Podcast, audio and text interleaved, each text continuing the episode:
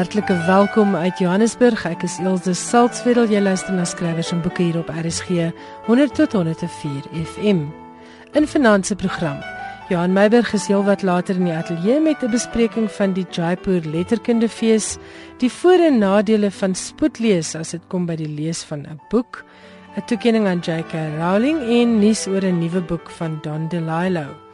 In die tweede helfte van finansie program gesels Corina van der Spool met die Russiese skrywer en geskiedkundige Boris Gorelik oor 'n nuwe boek wat die rol van die Russe aan die Kaap tussen die jare 1797 en 1870 verken. En dan soos beloof, ons spring vanaand weg met nog 'n gesprek oor resensies en hierdie keer gesels ek met professor Willie Burger, nou al 'n ou bekende hier op RSG. Maar eers wil ek net teruggaan na verlede week se program. Baie dankie vir die goeie terugvoer. Dit is duidelik dat hierdie hele debakel oor resensies baie snare geraak het. Baie dankie vir almal se SMS'e en ook vir die e-posse. En dan is daar 'n spesifieke SMS wat ek nou wil voorlees. PE Kleinhans skryf: As daar hoegenaamd geen objektiewe gemotiveerde kritiek in 'n resensie is nie, begin ek wonder oor die eerlikheid van die resensent en daar is bitter min uitsonderings. Dis dan die SMS van PE Kleinhans. Ek wou juis die debat oor 'n goeie resensie aan die gang kry sodat ons resensente en boekmedia ook kan besef lesers verwag 'n sekere mate van inligting in 'n goeie resensie. Ewenwel luister nou na professor Willie Burger, ek is seker daarvan dit sal enige ander kwessies nog rondom resensiekunde en die groter doel van resensies in die letterkunde uit die weg ry. Geniet dit.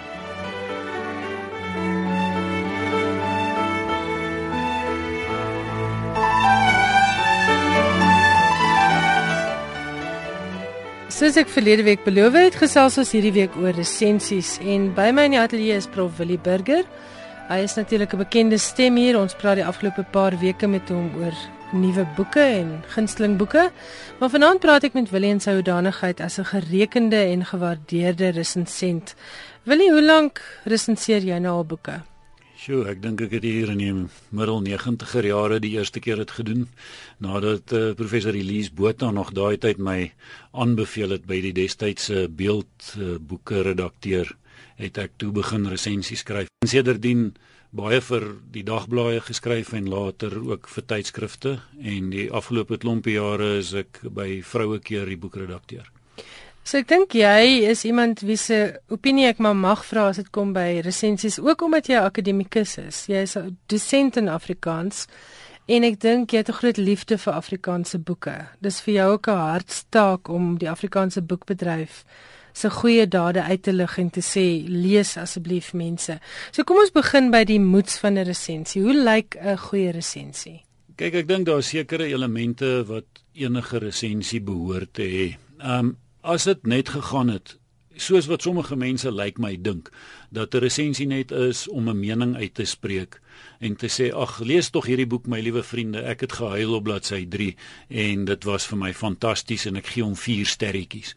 Dis die soort goed wat 'n mens deesdae dikwels sien veral op blogs en op Facebook en die soort van ding. Dit is hoe mense elke ou sy opinie het. Nou deel daarvan is natuurlik waar. Elke ou is geregtig op sy opinie en elke mens het 'n gevoel oor uh, 'n uh, boek wat hy gelees het en en jy's geregtig om dit te deel met mense mense. Wanneer dit vir my gaan om 'n resensie wat jy uh, bietjie weier 'n uh, publiek wil blootstel, dink ek dit behoort om bietjie meer verantwoordelik te wees en meer uh, daar behoort bietjie meer nadenke daaroor te wees as om sommer net my indrukke daaroor te gee. Dit wat ons sou noem in die literatuurstudie impressionistiese kritiek. Jy weet, ek kyk ja, so en ek 'n ja. gevoel daaroor en ek gee my indruk daaroor. Ja.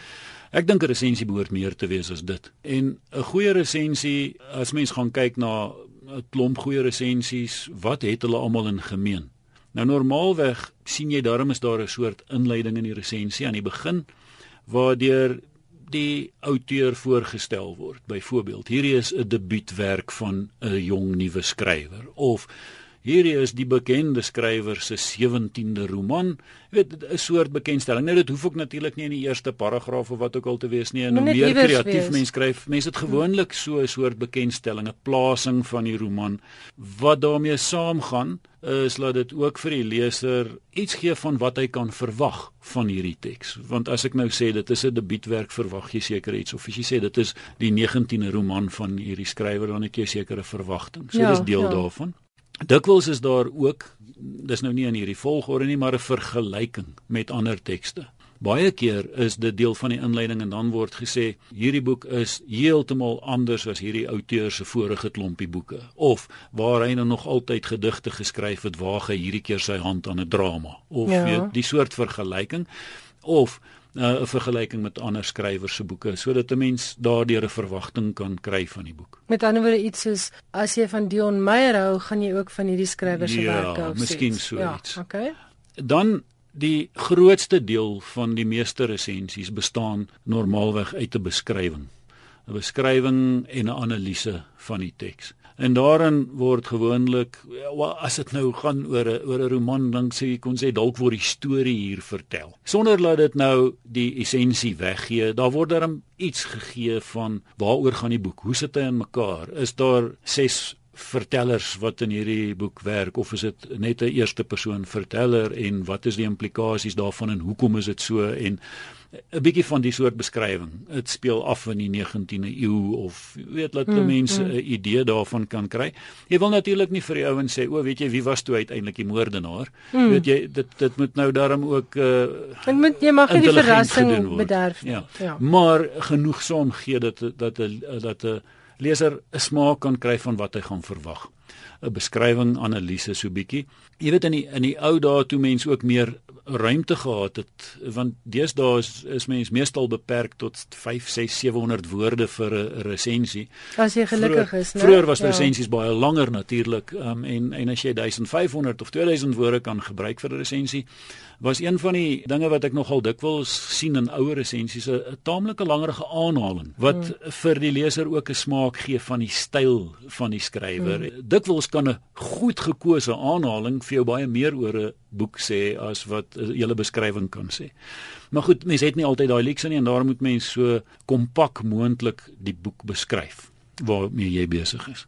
Hier mee saam gaan baie keer ook 'n soort interpretasie. Ek weet daar's 'n tyd wat baie mense ook skugter is om interpretasies te waag, maar dit is deel daarvan dink ek om te sê hierdie boek, uh, wat lê hier agter? Wat sê dit van ons samelewing? Wat sê dit oor ons samelewing? Miskien weet 'n uh, interpretasie wat dit ook vir my in hierdie omstandighede juis laat hierdie boek nou verskyn vir ons beteken. Wat sê dit vir ons samelewing oor hoe ons nou leef en dink, die soort interpretasie wat natuurlik gegrond moet wees op daai beskrywing. Jy kan nie sommer net gaan sê o, die boek beteken toe dit of dit nie, want ek meen geen roman, geen boek is uiteindelik ook net rediseerbaar tot 'n enkele betekenis nie. Ja. Anders sou die skrywer tog nie die moeite gedoen het om 'n gedig te skryf nie.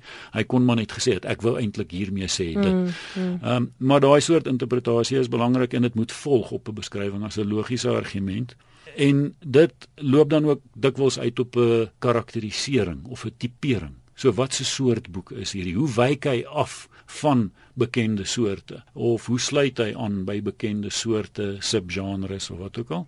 En uiteindelik eh, loop dit ook uit op 'n evaluering. So ek het nie begin gesê baie mense sê maar net ag dis 'n slegte boek, moet hom nie lees nie of dis 'n goeie boek lees. Hmm, maar jy moet dit daarom kan baseer op iets, né? Die evaluering moet dus nou logieserwys voortvloei uit alles wat jy nou gesê het. En ek dink altyd 'n mens moet ook versigtig wees met evaluering. Um, een van die groot um, literatore van die 20ste eeu het op 'n stadium opgemerk as ek nie van 'n boek hou nie, is dit 10 teen 1 omdat ek hom nog net nie mooi verstaan nie. Hmm. So ek ek is altyd baie bang dat 'n mens dalk iets net heeltemal misgekyk het en daarom hou jy nie hiervan nie. En daarom moet jy lees dit bevooroordeeld, né? Jy gaan met 'n sekere verwagting in 'n boek in en dit voldoen nie aan jou eie verwagting nie en daarom skiet jy die boek af. Ja, jy, jy weet natuurlik lees enige mens altyd met 'n verwagting. Ek meen nie een van ons kan sê ek is objektief en ek benader hierdie boek sonder enige verwagtings, onbevange mm, gaan ek mm. hierna kyk nie. Uiteraard het ek sekere verwagtinge. Ek dink wat belangriker is daar is om my verwagtinge van my eie verwagtinge bewus te wees. En dit kry mens veral hmm. as mens kyk na verskillende soorte boeke. As ek iets wil resenseer wat kennelik 'n stuk genrefiksie is, formule literatuur, 'n liefdesroman of 'n speurroman of 'n misdaad thriller, dan gaan ek dit tog nie op dieselfde manier kan en behoort ek dit nie op dieselfde manier te gaan resenseer as wat ek eh, 'n uh, nuwe Winterbag roman ja, gaan resenseer nie. Ja. Ek dink dit is belangrik as jy 'n koskritikus was en dan gaan jy na die Wimpy vir 'n ontbyt en dan meet jy dit aan 'n cordon bleu chef se werk by 'n duur Franse restaurant. Dan is jy eintlik besig om 'n bespotting te maak van jouself om te sê ja maar hierdie is toe nou nie um, sulke goeie kos nie. Mm, mm. want dit is nie wat die doel van 'n uh, 'n uh, wimpie is nie en ek dink dit is 'n uh, belangrike ding wat soms gemis word. Dat jy die die die die teks ook moet resenseer vir wat dit is. So mens moet weet wat jy waarmee jy besig is en jy moet dit ook dien ooreenkomstig ja. gaan analiseer. Ek kan baie maklik die storie vertel van 'n uh, Etienne Leroux roman sonder dat daar iets van die roman sal verlore gaan vir die leser. Maar ek kan nie die storie vir jou vertel van 'n Dion Meyer en dan nog verwag die ou moet uiteindelik dit lees nie. Die boek gaan koop nie want jy het klaar die storie vertel. Ja. So elke ding moet op 'n ander manier geresenseer ja. word en jy moet dit ook vergelyk met ander soortgelyke tekste jy kan nie uh, vir ou wat regtig net vir ontspanning wil lees nou gaan verwag hy moet um, hierdie baie ingewikkelde roman gaan lees of 'n digbundel soos Kaar gaan lees. En dan nou sê o omdat dit nou moeilik is om te lees en ek moet regop sit en ek kan die helfte van die boek woorde nie verstaan nie dis sleg Ons moet in in elk geval dan ook sommer mekaar sê daar is 'n groot onderskeid tussen literêre resensies en resensies deur gewone mense oor gewone boeke. Want jy gaan 'n Ingrid Winterbag se vlakwater heeltemal anders benader as wat ek dit gaan doen. Jy gaan hom baie meer akademies benader. Aan die een kant, miskien, vir my voel dit vir my ek benader ek lees alles. Ek lees populêre fiksie, ek lees uh, nie fiksie, ek lees uh, Engels, Afrikaans, alles. Engels, ja. Afrikaans, ek lees uh, alles wat ek kan en ek skryf oor alles. En ek lees graag ook wêreldletterkunde oor skrywers wat ek nog nooit van gehoor het nie uit vreemde lande. En en ek dink dit is nie noodwendig so dat jy 'n sekere mens moet kry om een soort teks te resenseer en 'n ander soort mens om 'n ander soort teks te resenseer. Nie dit kan waarskynlik, mm. maar dit hoef nie want dit beteken tog nie dat omdat ek my hoofsaaklik besig hou met die lees van ernstige letterkunde as jy dit nou so wil noem moet ek nou maar stil bly wanneer dit kom by Chris Karsten of iets Nee wat ek probeer sê is ou soos jy gaan waarskynlik vir my as 'n leek 'n baie beter interpretasie gee van 'n boek soos Ingrid Winterbag se werk as wat byvoorbeeld 'n mede-joernalis gaan doen. Verstaan jy? Mens sou hoop. Ek ek dink een van die belangrikste eienskappe van 'n resensent is dat dit iemand moet wees wat baie gelees het. Ek dink dis die eerste groot vereiste vir 'n resensent. Die probleem is wat ek dink dit was vir myself ook die geval toe ek begin resenseer het. Ek was nog jonk, jy weet, en jy het net soveel gelees Ja, dis waar. Nou wat baie maklik gebeur is, jy omdat jy 'n baie beperkte leeservaring het en jy het nog net X aantal boeke gelees kry jy nou 'n nuwe boek en jy dink, "Wow, hier's iets verskriklik indrukwekkends nuuts. Daar bestaan nie so iets nie." En jy gaan heeltemal oorboord oor hierdie met hierdie resensie van jou oor hierdie wonderlike boek. Terwyl 'n baie kundiger resensent wat al baie meer gelees het, weet, "Ag, hierdie goed is alles oud. Ek het dit hmm, al baie gesien hmm. en dit is eintlik 'n klomp klisjées." Hmm. Ehm um, en en en dan gaan jy dit uiteraard anders resenseer. So ek dink hoe meer agtergrond 'n resensent het, hoe meer 'n resensent gelees het uit 'n baie wye verskeidenheid, hoe groter is die kans dat jy 'n teks ook na waarde kan skat eh, relatief tot ander tekste, maar ook kan sien aan watter tradisie word hier deelgeneem. Hoe word daai tradisie verruim? Want ek dink dit is wat vir my as dit nou gaan oor ernstige beskouings van kuns, is dit dikwels so dat 'n goeie roman, soos goeie musiek, soos skilderkuns, ek ek ek dink dit geld vir alle kuns, ek sal my liewer nie oor alles uitspreek nie, werk voortdurend met innovering met vernuwing hmm. van die bekende. Aan die een kant kan ek tog erken hierdie is nog steeds 'n roman en ek hmm. herken ook dalk dit is kenmerkend van 'n sekere soort roman.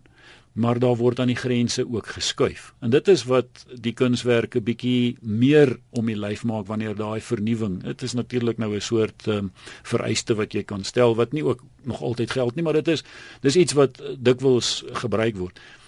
As jy baie min gelees het, gaan jy nie agterkom wanneer iets iets verskuif nie. Hmm. Of jy gaan dink iets is grondverskuivend en dan is dit nie. So die eerste vereiste vir 'n goeie resensent is dit moet iemand wees wat besonder wyd belese is. Um ons tyd is altyd te min as ek en jy gesels. Jy weet so ongelooflik baie van die letterkunde. Wat mag nooit in 'n resensie staan nie? Wat mag 'n resensent nooit doen nie? Ek is altyd bang om sulke vreeslik emfatiese stellings te maak oor wat mag en wat nie mag nie. Of wat um, kom ons versag dit wat behoort nie te gebeur nie. Ek dink 'n uh, resensent moet darm enige boek 'n billike kans gee. En daarmee bedoel ek 'n mens behoort nie goed rondom hierdie teks 'n rol te laat speel nie.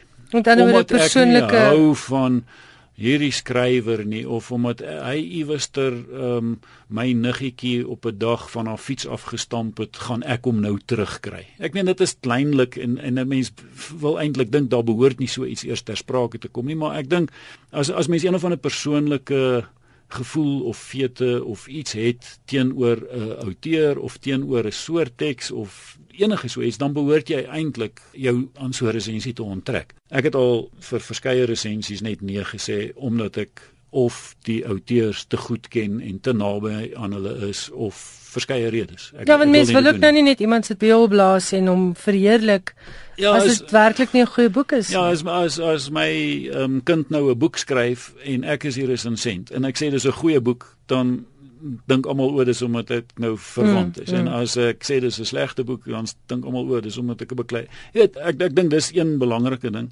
En ek dink wanneer dit gaan oor waardeoordele, 'n waardeoordeel moenie ongegrond wees nie. Jy moet daarom uit die teks of uit 'n logiese argument koherent kan verduidelik waarom hierdie waardeoordeel waartoe jy kom geld.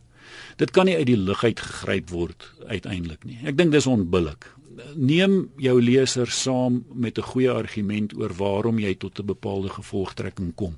En daar mag baie redes wees of maniere waarop mens waardeoordele doen, maar ek dink dit moet daarom deeglik besin en begrond wees. En en die ander ding is 'n mens moet ook maar mooi dink. Ek dink altyd daaraan. Ehm uh, dalk het ek hierdie oordeel omdat ek nog net nie mooi genoeg gelees het nie. Willie, die ding van sosiale media het jy net nou aangeraak. Almal het 'n mening en almal het nou 'n seepkussie waarop hy dit mag uitspreek. Dink jy dit het ook mense bietjie skerper in hulle oordeel gemaak? Dink jy dit het 'n nuwe geslag resensente na vore laat kom wat dalk nie eintlik eers moes boeke beoordeel of flieks of uh dramas of wat ook al nie. Wat jy nou vra is eintlik 'n baie ingewikkelde vraag met 'n baie lang geskiedenis ook daar agter. En mens moet ook onthou daar was 'n tyd wat resensies net geskryf is in 'n paar bepaalde plekke. Daar was baie nou beheer hekwagtery oor ja, ja. wie resensente is. En net sekere boeke is geresenseer en en dit was uh heel dikwels is 'n uitvloeisel ook van die groot modernistiese tyd in die 50er jare, 70er jare. En en dan het um, was dit kundige mense wat dikwels ingewikkelde resensies geskryf het vir ander kundige mense en baie keer eerder vir hulle ander mede akademici geskryf het as vir vir die, die gewone mense, die koerantleser, die mm, mm. algemene koerantleser.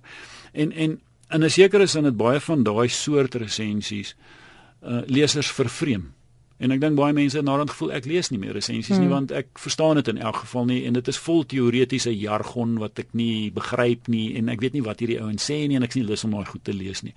So in 'n sekere sin dink ek was daar van daai kant af 'n sekere soort eh, probleem wat baie mense ervaar het met resensies. Aan die ander kant leef ons doodgewoon in 'n tyd van veel groter demokratisering en hmm. en mense het elkeen 'n toegang tot verskillende maniere om 'n mening te lig. Jy kan tweet, jy kan op jou Facebook sit, jy kan blog, daar is baie maniere en daarom is die aanbod van menings oor 'n boek byvoorbeeld of oor 'n fliek nie meer beperk tot die resensie in die koerant op maandag of uh, die enkele plekke waar daar resensies is nie dit is baie wyer en en die gevolg is ek dink dit gee ook die indruk almal kan 'n mening hê en ek dink dit is ook goed die probleem is egter as 'n mens nou besluit omdat enige oue mening kan hê is alle menings ook eweveel werd. Hmm. En ek wil asseblief tog geen elitistiese klankie hier by indra of iets nie. Maar wat ek net nou gesê het is, hoe meer belese iemand is, hoe groter is die kans dat jy 'n teks ook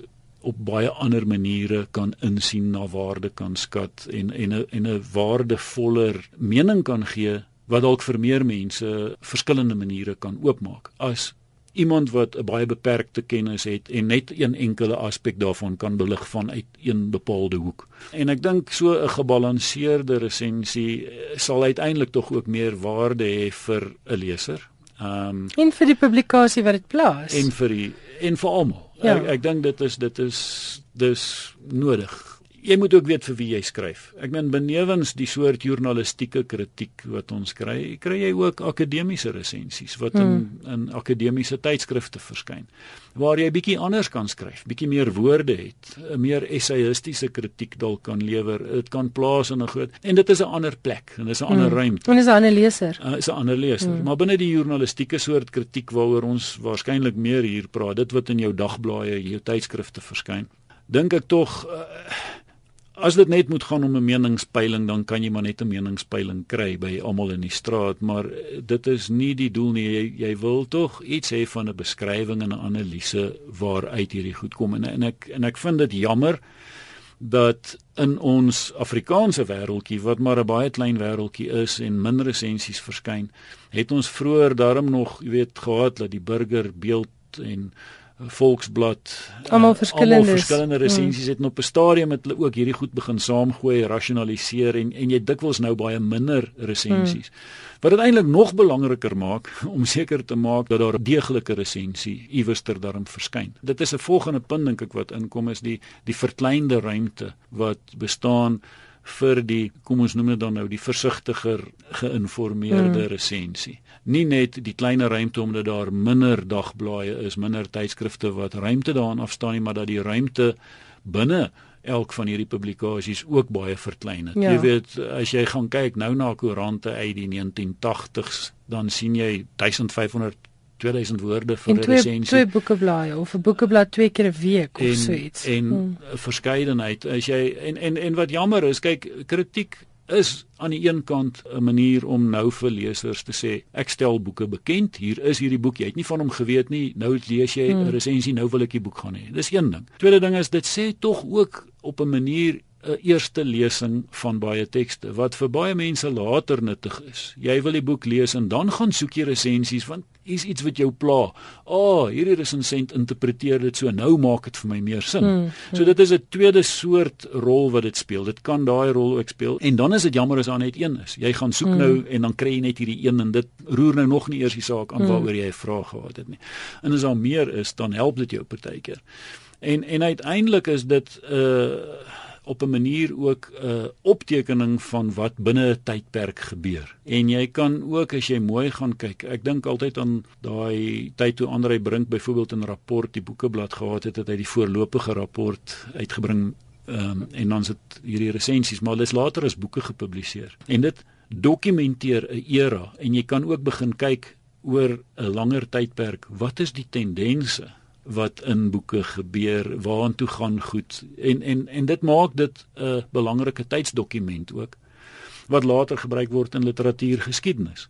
Hoe weet ons wat het ouens in 1832 gedink oor hierdie of oor daardie boek? Jy gaan kyk na die resensies wat hmm. daaroor verskyn het en dan kan jy dit in in geskiedenis kyk hoe is hy ontvang. Jy weet So dit het ook daai rol en en dan is dit jammer as 'n mens net sit met 'n soort uh populêre ek hou te baie van hierdie boek want ek het lekker gehuil daaroor of dit het my so ontroer of ja, hierdie boek het my so geboei en dit was so mooi en dit beteken eintlik ja, niks nie. Weet, weet, dit en dit is ek sê weer daar's niks fout met sulke opmerkings nie ons maak almal sulke opmerkings daagliks maar dit is nog nie 'n resensie nie. Dit was professor Willie Burger dosent in Afrikaans eintlik hoof van die departement Afrikaans vir die Universiteit van Pretoria. Ek en hy het vanaand gesels oor resensies. Willie, baie dankie vir jou tyd. En nou gaan ons luister na 'n bydrae deur Corina van der Spool. Geniet dit. In die ateljee by my vandag is 'n Russiese skrywer en historikus, Boris Gorolik. Ek het 'n paar jaar gelede met hom gepraat oor sy boek oor Tretjikov, maar nou het hy 'n baie interessante projek rondom vroeë Russiese besoekers aan die Kaap. Ons kyk na die jare 1797 tot 1870. Dis om net so 150 jaar na die eerste wit mense aan die Kaap gekom het. Baie interessante projek om te sien wat het die Russe op daai stadium van Suid-Afrika gedink. Boris, this is a very interesting project that you've been working on, putting together a book for the Van Riebeeck Society on the early Russian visitors to the Cape. Mm-hmm. And you called it an entirely different world. Perhaps we can first just talk about the Van Riebeeck Society and why they published this book. Uh, well, the, the, Van Riebeeck Society is the oldest historical association, an association that publishes historical documents.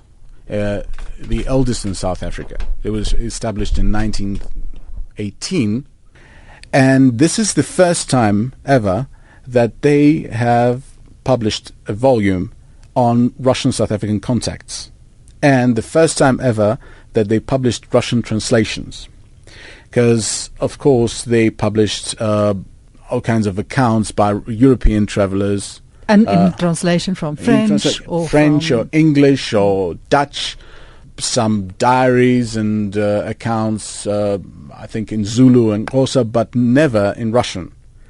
So it is um, yeah, I think it's a very, a very it's important, important volume for yes. them. Yeah, yeah. How did this project come about, and how did you find your subject? I mean, you're a Russian historian. You're mm-hmm. based in Moscow half of the time, and another part of the time in Johannesburg. But as a historian and a journalist, also, how did this come about? This, where did you get your material?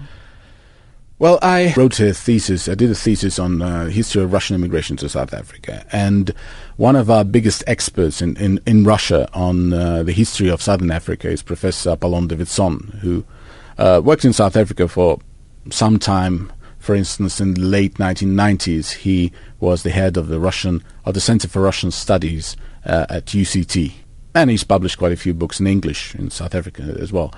Well, one of the books that he did uh, in the mid 70s was uh, called um, An Image of a Faraway Land, and it was a very comprehensive history of Russian travel to South Africa, to, to, to southern Africa.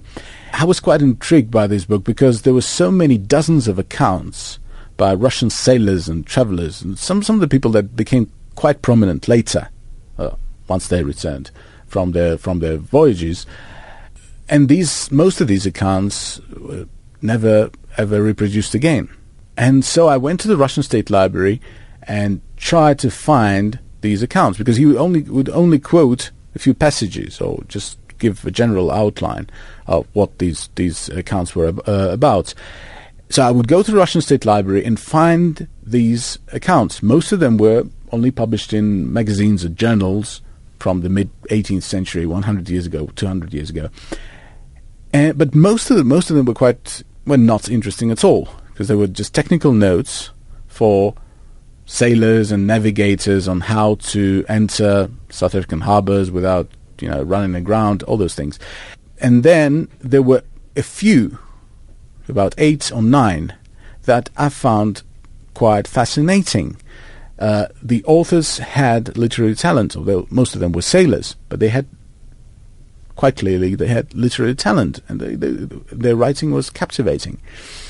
So I thought, why not bring all those best, most interesting accounts, the accounts that I think are still relevant both to the Russian audiences and to South African audiences, bring them together, put them in the context of South African history, the Russian history, and um, yeah, and publish them as, as uh, one volume. So that's eventually that's that's what I have done, thanks to the Van Riebeeck Society, I don't. I think very few of these are known to South Africans. Yes. But the one person I did pick up was Ivan Goncharov, mm-hmm. the famous Russian novelist. Novelist of uh, and century, in fact, yeah. after he had already published, but I think after his South African visit, he he wrote his big book then, uh, Ob- um, Oblomov. Yes, Oblomov is his mo- most famous novel. But you know what? What I think is particularly interesting for, especially for your audience, is that it's built around a conflict between the old and the new, the old Russia and the new Russia, which is becoming more capitalistic, more enterprising, more energetic, and also more calculating, you know, moving towards the West, towards Western Europe. And uh, at the same time, he grew up, his generation uh, still belonged to the old Russia, you know, the, the world of landowners and uh, more parochial, more mm, slower lifestyles, you know what I mean? So this, uh, so Oblomov represents the central character in that novel. He represents the old world, and his friend, who's half half Russian, half German, represents this new uh, enterprising world, well, European world. Now, when uh, Goncharov came to visited the Cape, he saw that there were the Dutch, with whom he felt a very cl- very close affinity, uh, and the British, whom he admired. He admired their enterprise and spirit, but on the other hand, he felt that it was a, a, a bit alien to the Russian uh, soul, so, so to say. So this conflict goes throughout his account, and his account of um, his visit to the Cape forms the biggest part of his travelogue, that uh, immensely popular travelogue called the Frigate Pallada, um, that he published in Russia on his return. So, for instance, when he visited uh, you know that uh, near near Stellenbosch uh, used to be a wine estate, and now it's a research institute. Uh, he, he, he spoke to the owner, and that's a, we're talking about 1853 when he when he was at the Cape. He didn't want to leave. He felt so much at home there, as if it was a Russian estate, you know. uh, he felt so much. He felt such such close affinity to to um, uh, Boer farmers, Afrikaner farmers.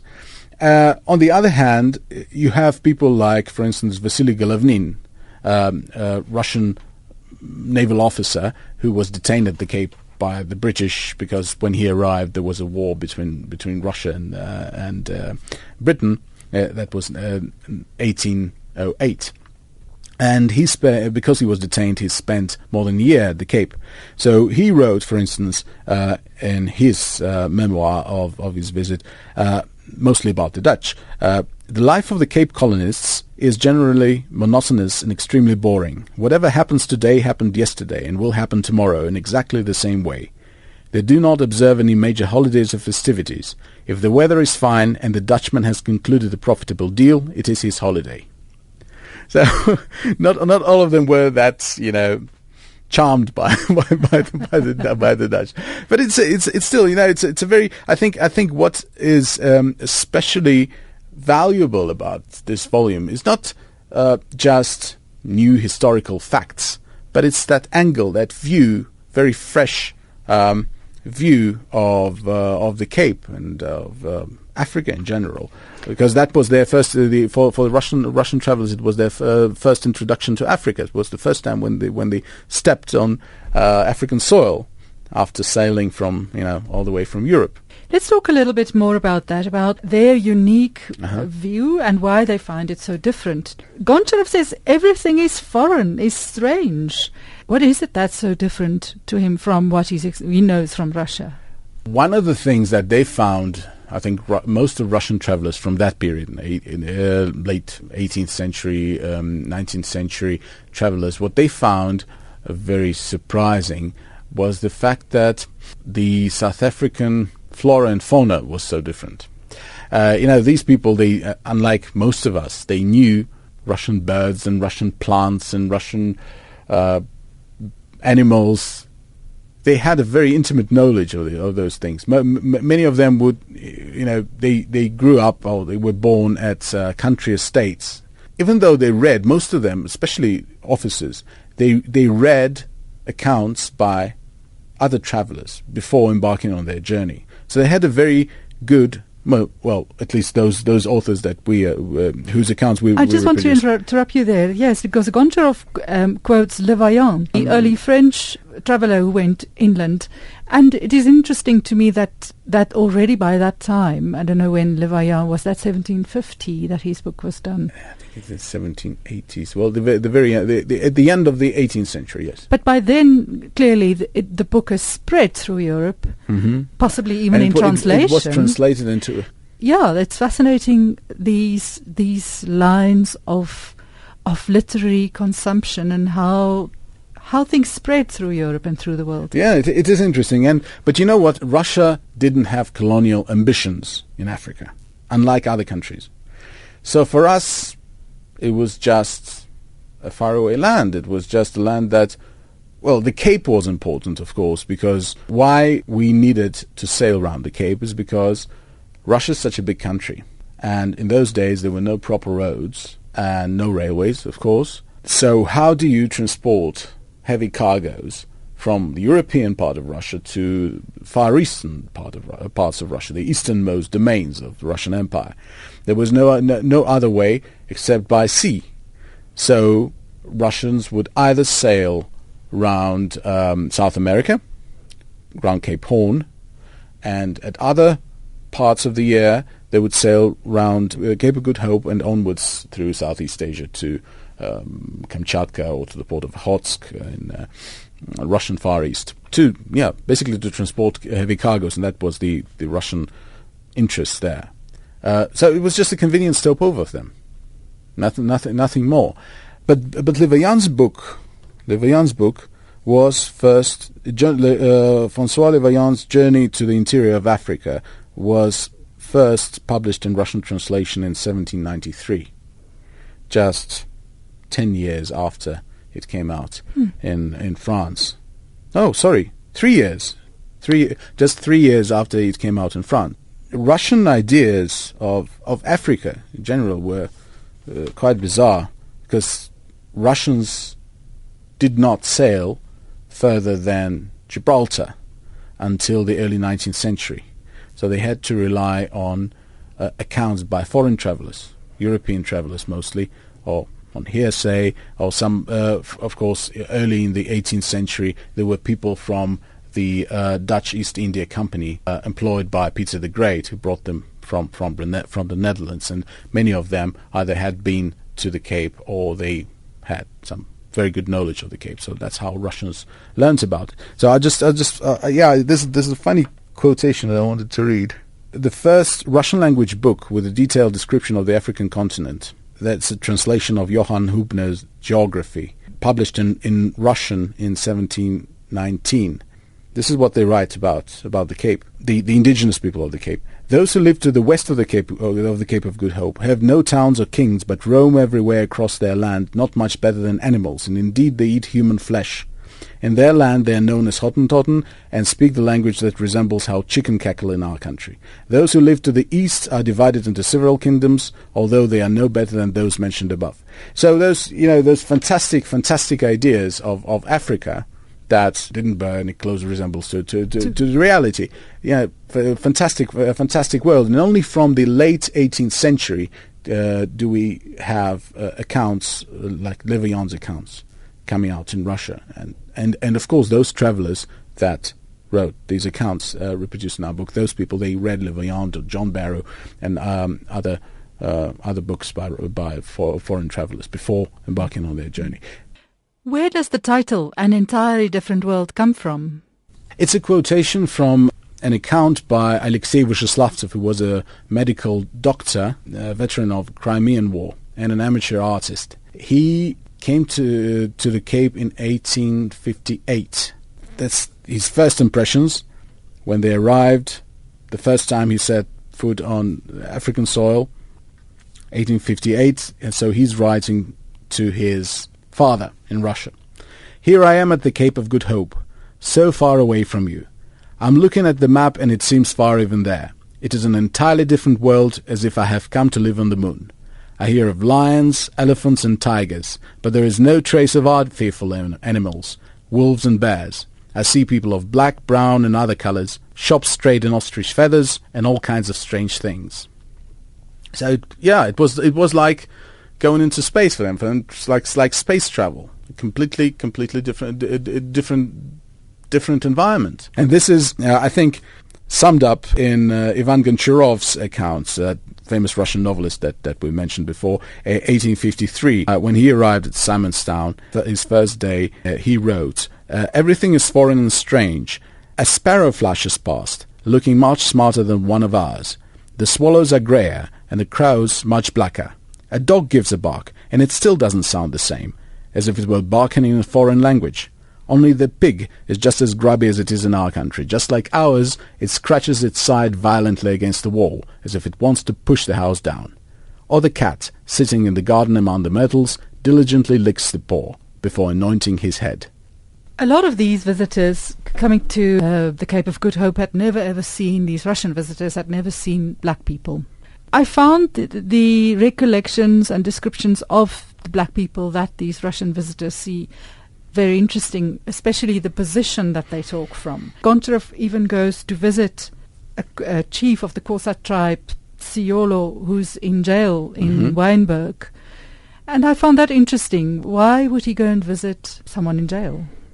Because I think that's what, what these travelers used to used to do. It was part of the travel uh, itinerary. I think I think it's it's it's they they, uh, they heard so much about the border wars with Xhosa, and they wanted to see those people who rose up against against Britain, about uh, against the imperial might, so to say.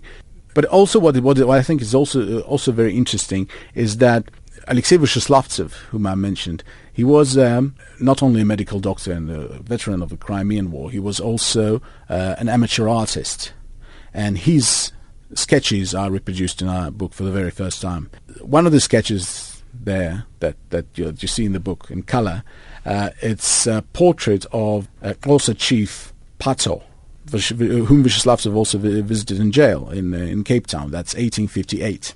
And as far as I know, it's the only existing portrait of that particular chief. It was, you know, quite important at that time. These Russian visitors also met other interesting or important people from South African history, such as Wilhelm Bleek, yes. who did all this research on the uh, drawings and their language, and Bain, do you want to say a little bit more about this? Is Bain the elder, not Thomas Bain, but mm-hmm. but Andrew Bain? Yes, he w- he was an engineer, a civil engineer. He built uh, many roads. Goncharov and his travel companions reached as far as Worcester.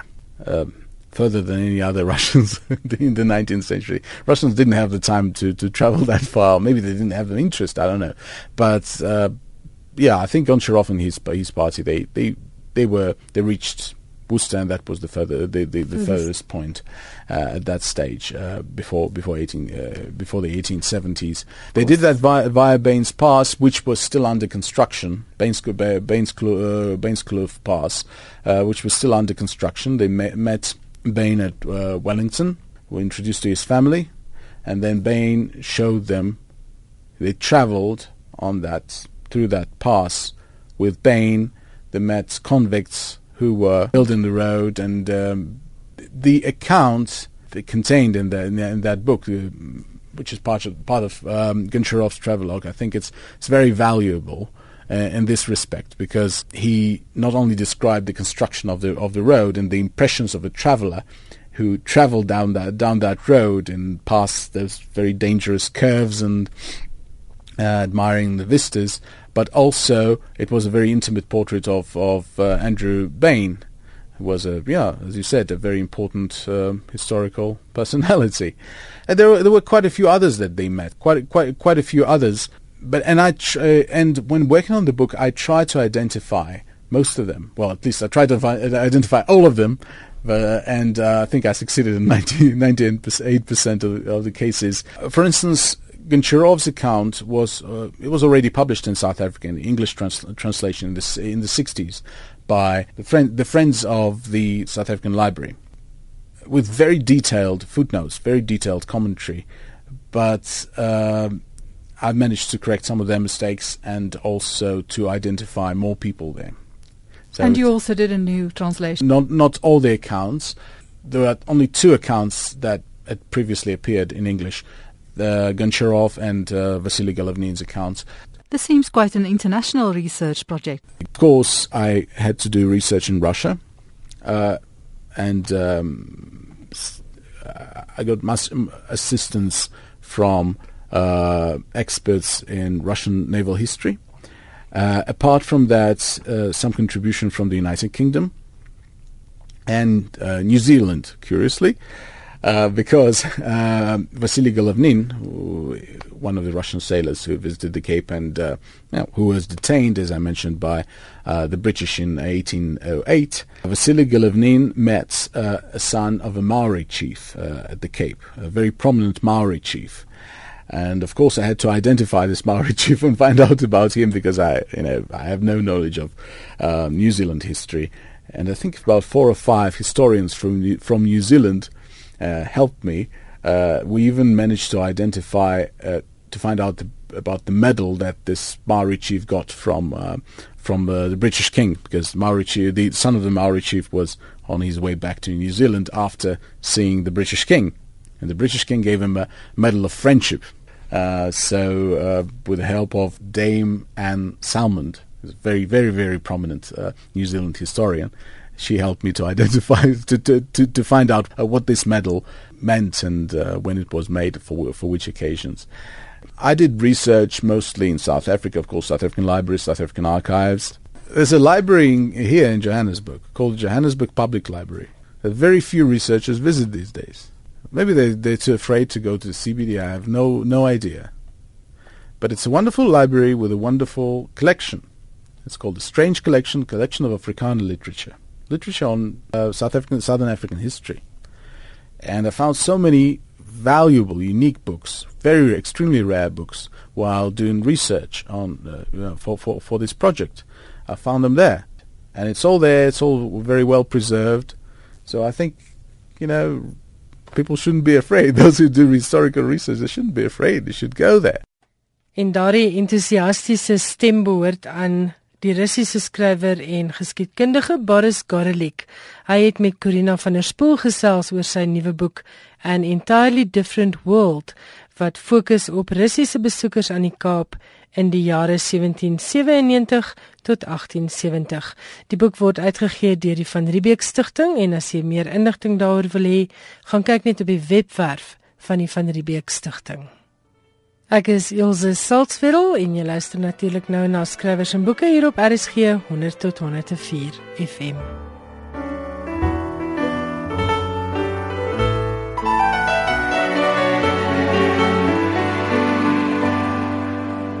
Jan Meiburg, welkom in die ateljee. Ek sien uit na jou weeklikse bydrae. Baie dankie.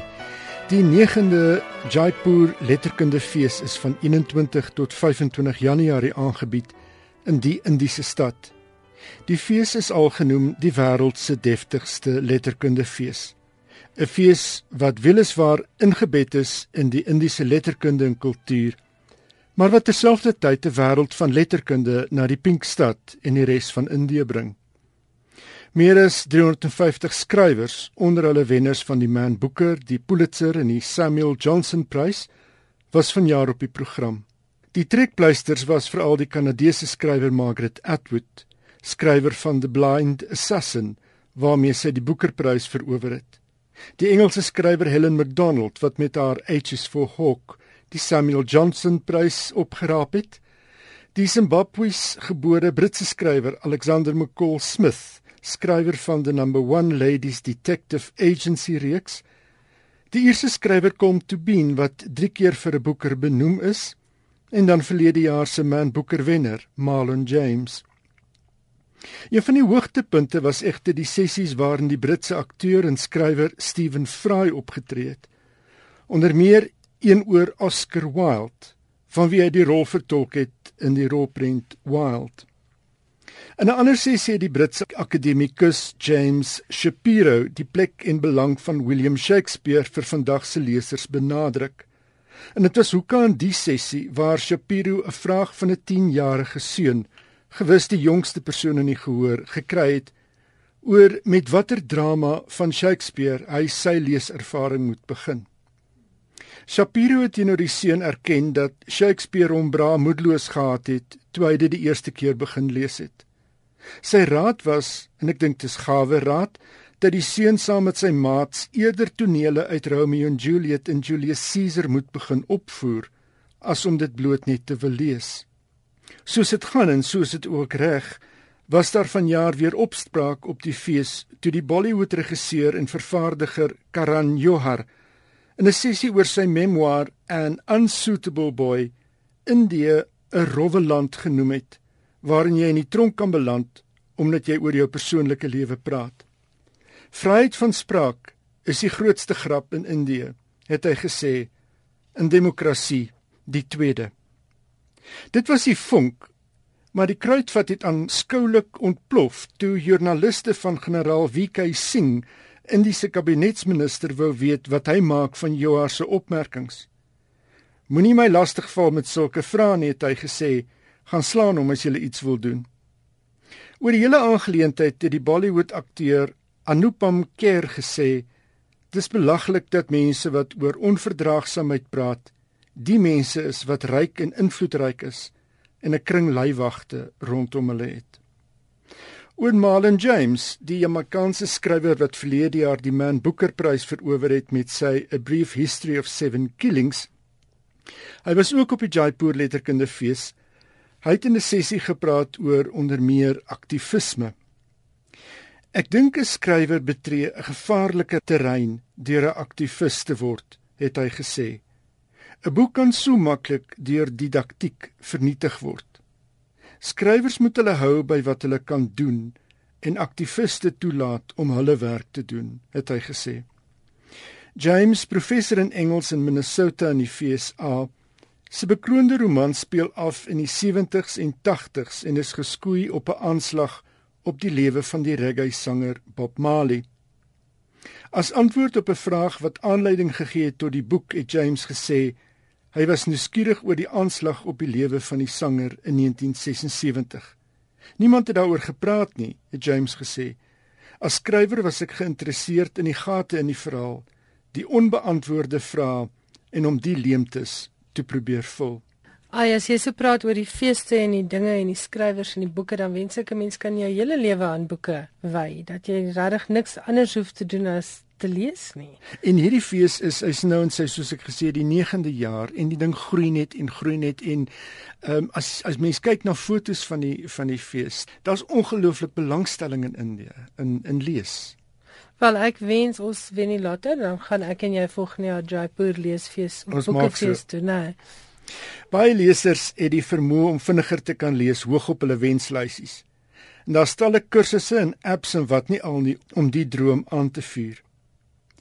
Maar nou dui die jongste navorsing volgens die vaktydskrif Psychological Science in the Public Interest in 'n artikel So much to read so little time daarop dat wat jy wen aan verhoogde leespoed, jy verloor aan noukeurigheid.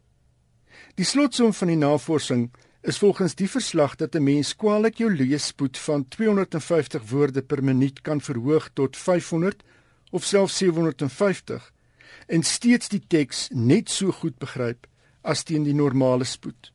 Daar is nie 'n magic bullet, noem die artikel dit, om ons vinniger te laat lees met ewe vlug begrip nie. Volgens The Guardian het Elizabeth Shotter, een van die skrywers van die navorsingsverslag, gesê hulle wil lesers inlig oor die diskrepansie tussen spoedlees en akkuraatheid sodat die publiek en ek haal aan ingelig kan wees wanneer hulle inskryf vir spoedleesklasse of 'n spoedlees-app wil koop. Ek weet nie van jou nie, maar ek dink in elk geval deel van lees se towerkrag is die feit dat dit jou stadig en teen 'n pas waarvan jy hou wegvoer na 'n wêreld wat nie jou huidige gejaagde een is nie. Ek wil dit regtig nie met spoed lees betree nie. Ek dink so en en wat my ook fascineer is dat mens baie keer agterkom dat 'n skrywer doelbewus die leespoed vertraag deur op 'n manier woorde te gebruik wat daar daar kom 'n remming in die lees in die leesstrand. Mm. En ek bedoel jy gaan net doodgewoon behoort dit behoort dit lees. En ek dink jy gaan helfte van die stemming mis. Benewens die inligting wat jy moet kry uit die storie, is dit tog daar's 'n klomp elemente tog wat dit gaan tog nie net oor inligting nie. En ek dink ons moet nou maar vrede maak daarmee met die wêreld wat so oopgegooi word danksy e-boeke en tegnologie en die internet gaan ons altyd te veel hê om te lees en te min. Ek dink dis so. een van daai goed waarmee mense moet vrede maak. Pen America het aangekondig hy gee sy Pen Allen Stichting literêre dienstoekenning aan die Britse skrywer J.K. Rowling vir haar volgehouer vir vryheid van uitdrukking asook vir haar liefdadigheidswerk oor etlike jare. Rowling, skepper van die Harry Potter reeks, het twee liefdadigheidsorganisasies wat sy steun. Wouland wat navorsing oor veelvuldige sklerose steun en Lumos 'n organisasie wat help om kinders wat in kinderhuise opgeneem is om verskeie redes weer met hulle families te herenig. Die prys word in Mei in New York aan Rowling oorhandig. Iets vir Dan de Lillo lesers. Zero K, de Lillo se 17de roman verskyn in Mei. Die boek word beskryf as die beste in jare uit die pen van die Amerikaanse skrywer. Volgens die reklamemateriaal weeg de Lillo in die nuwe roman die donkerte van die wêreld soos terrorisme, oorstromings, brande, hongersnood, peste op teen die skoonheid en die menslikheid van die alledaagse lewe met liefde, verbasing en ek al aan die intieme aanraking deur die aarde en die son. De Lillo het in 1985 wyd erkenning gekry vir sy White Noise, net in 88 opgevolg met sy topverkoper Libra. Hy is twee keer benoem vir die Pulitzerprys vir Mao die 2de en Underworld en hy het in 92 die Pen Faulknerprys gekry vir Mao the 2nd. Baie dankie Johan, daar praat jy nou weer van 'n skrywer wie se werk ek glad nie ken nie se nog iets vir my leeslys waarmee ek waarskynlik nooit gaan klaar kry nie. Baie dankie.